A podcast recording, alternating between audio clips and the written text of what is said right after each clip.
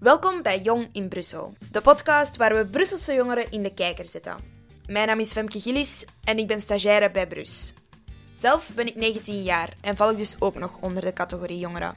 Jongeren zijn de toekomst, dus onze verhalen moeten verteld en gehoord worden. Dat is dan ook exact wat we in deze podcast gaan doen.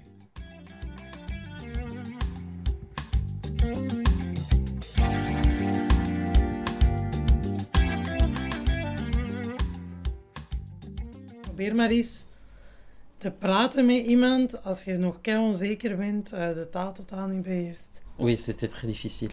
Parce qu'il y avait la barrière de la langue, justement. Tu parlais pas français et moi non plus, je parlais pas euh, néerlandais. Stefanie en Patrick zijn ondertussen al iets langer dan een jaar samen. Stefanie is 24, afkomstig uit Antwerpen en spreekt Nederlands. Patrick is 25, afkomstig uit Brussel en spreekt Frans. Wanneer ze elkaar leerden kennen, spraken ze dus niet elkaars taal. Stefanie kon geen Frans en Patrick kon geen Nederlands. Ik was toen bij elkaar uh, voor het eerst hebben leren kennen. Totaal nog geen Brusselaar, om het, als ik het zo mag zeggen, want ik woonde toen nog in Antwerpen.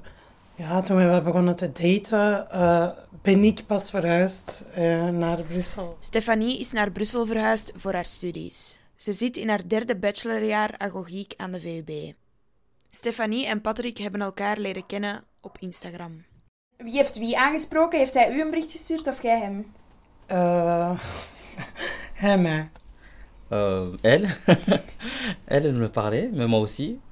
Schrikte u dat we af in het begin dat, dat Ja. hij Frans sprak? Ja, want allee, schandalig mijn Frans in het begin.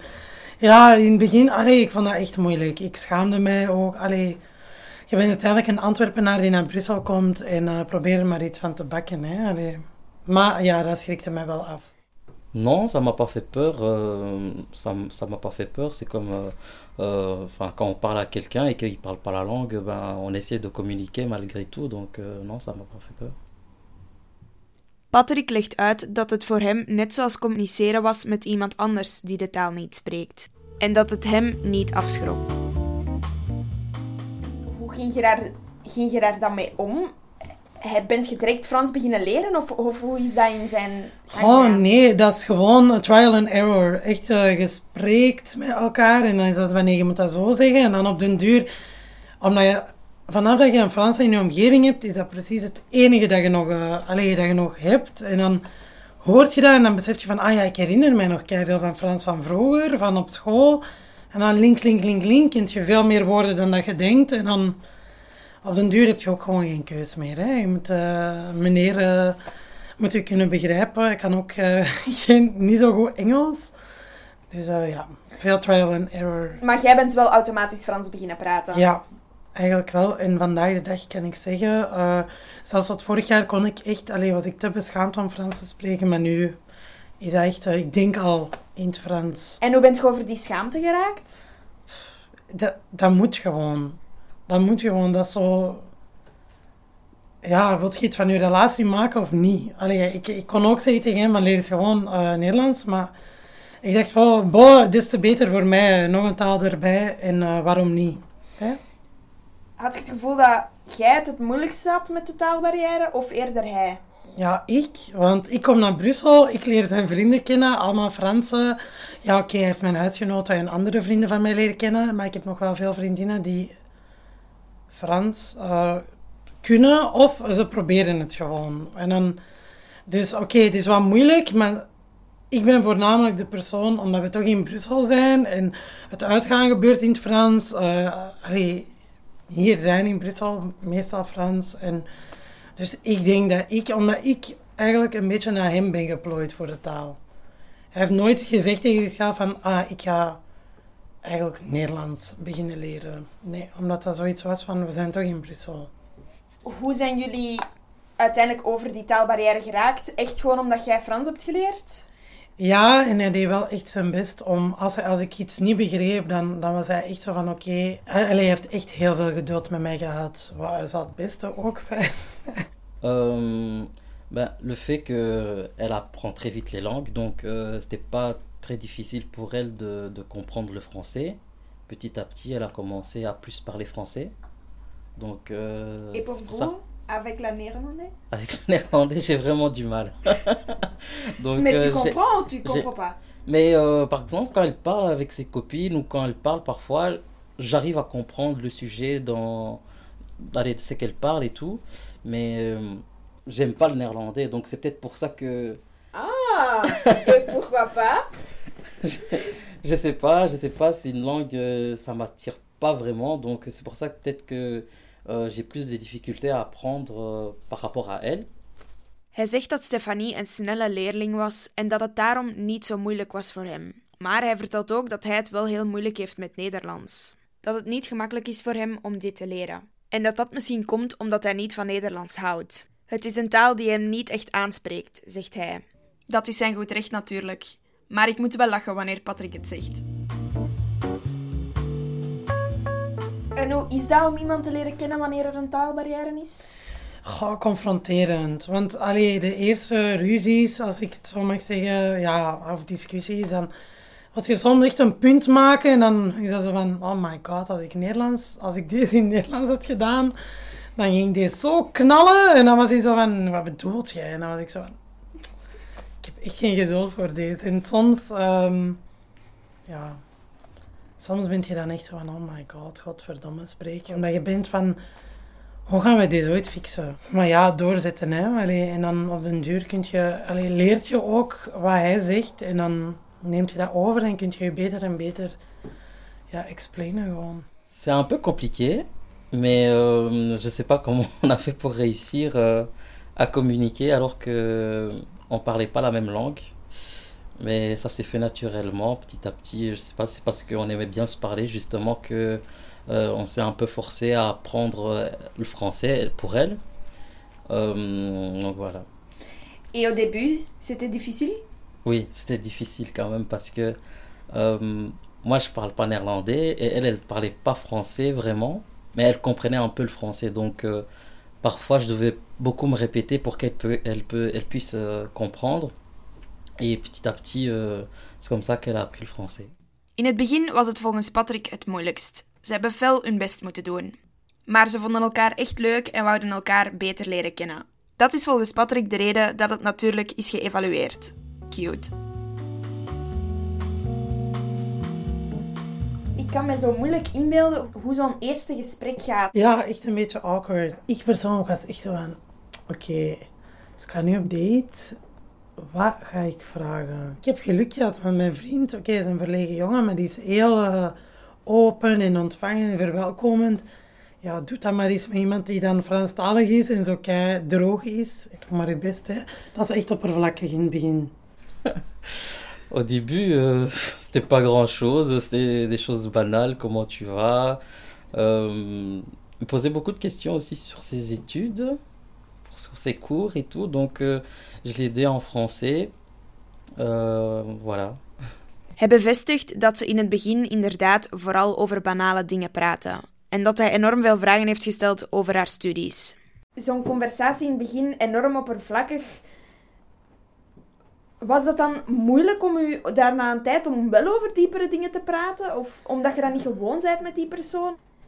Eh, ja. echt wel. Voor mij, ik ben eh, sowieso... ehm, ik kom van ver in liefde. In de zin van, ik heb één relatie gehad, maar ik heb eh, veel pijn gehad. Ehm, ja, als je zelf onzeker bent. Ja, in de eerste plaats ben je zo van... Voor wat ben ik het, voor wat ben ik het hier eigenlijk allemaal aan het doen? En dan ben je echt soms zo van... Ik hoop echt dat deze het waard is of zo. Je wilt gewoon zekerheid. Maar op den duur besefte ik gewoon van... eh, ja... Dat is met alles zo in het leven. Je loopt tegen de muur, is het niet wat het is, is het niet wat je je inbeeldt, dan gaat het gewoon ook door. Maar probeer er gewoon altijd het goede uit te halen of zo. Verstonden jullie elkaar soms verkeerd? Ik heb echt gemerkt in Nederlands. ehm kun je zo van die sarcastische uitspraken doen. Ik weet niet of dat iets Nederlandstalig is of iets ehm, Antwerps.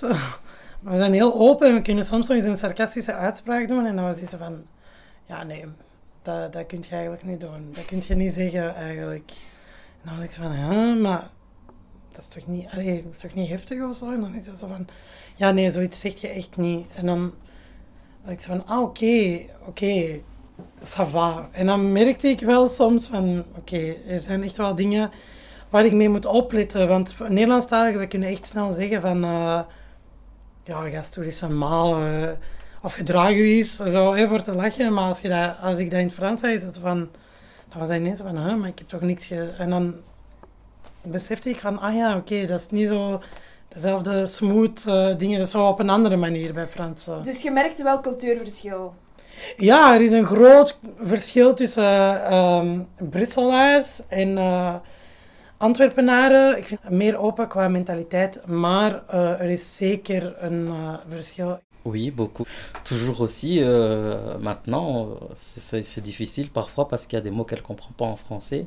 Euh, il y a des mots qu'elle dit et moi je comprends pas. Du coup, ça peut être mal interprété parce que justement, je comprends pas qu'est-ce qu'elle veut dire par là ou vice-versa. Ou moi, elle comprend pas ce que je veux dire.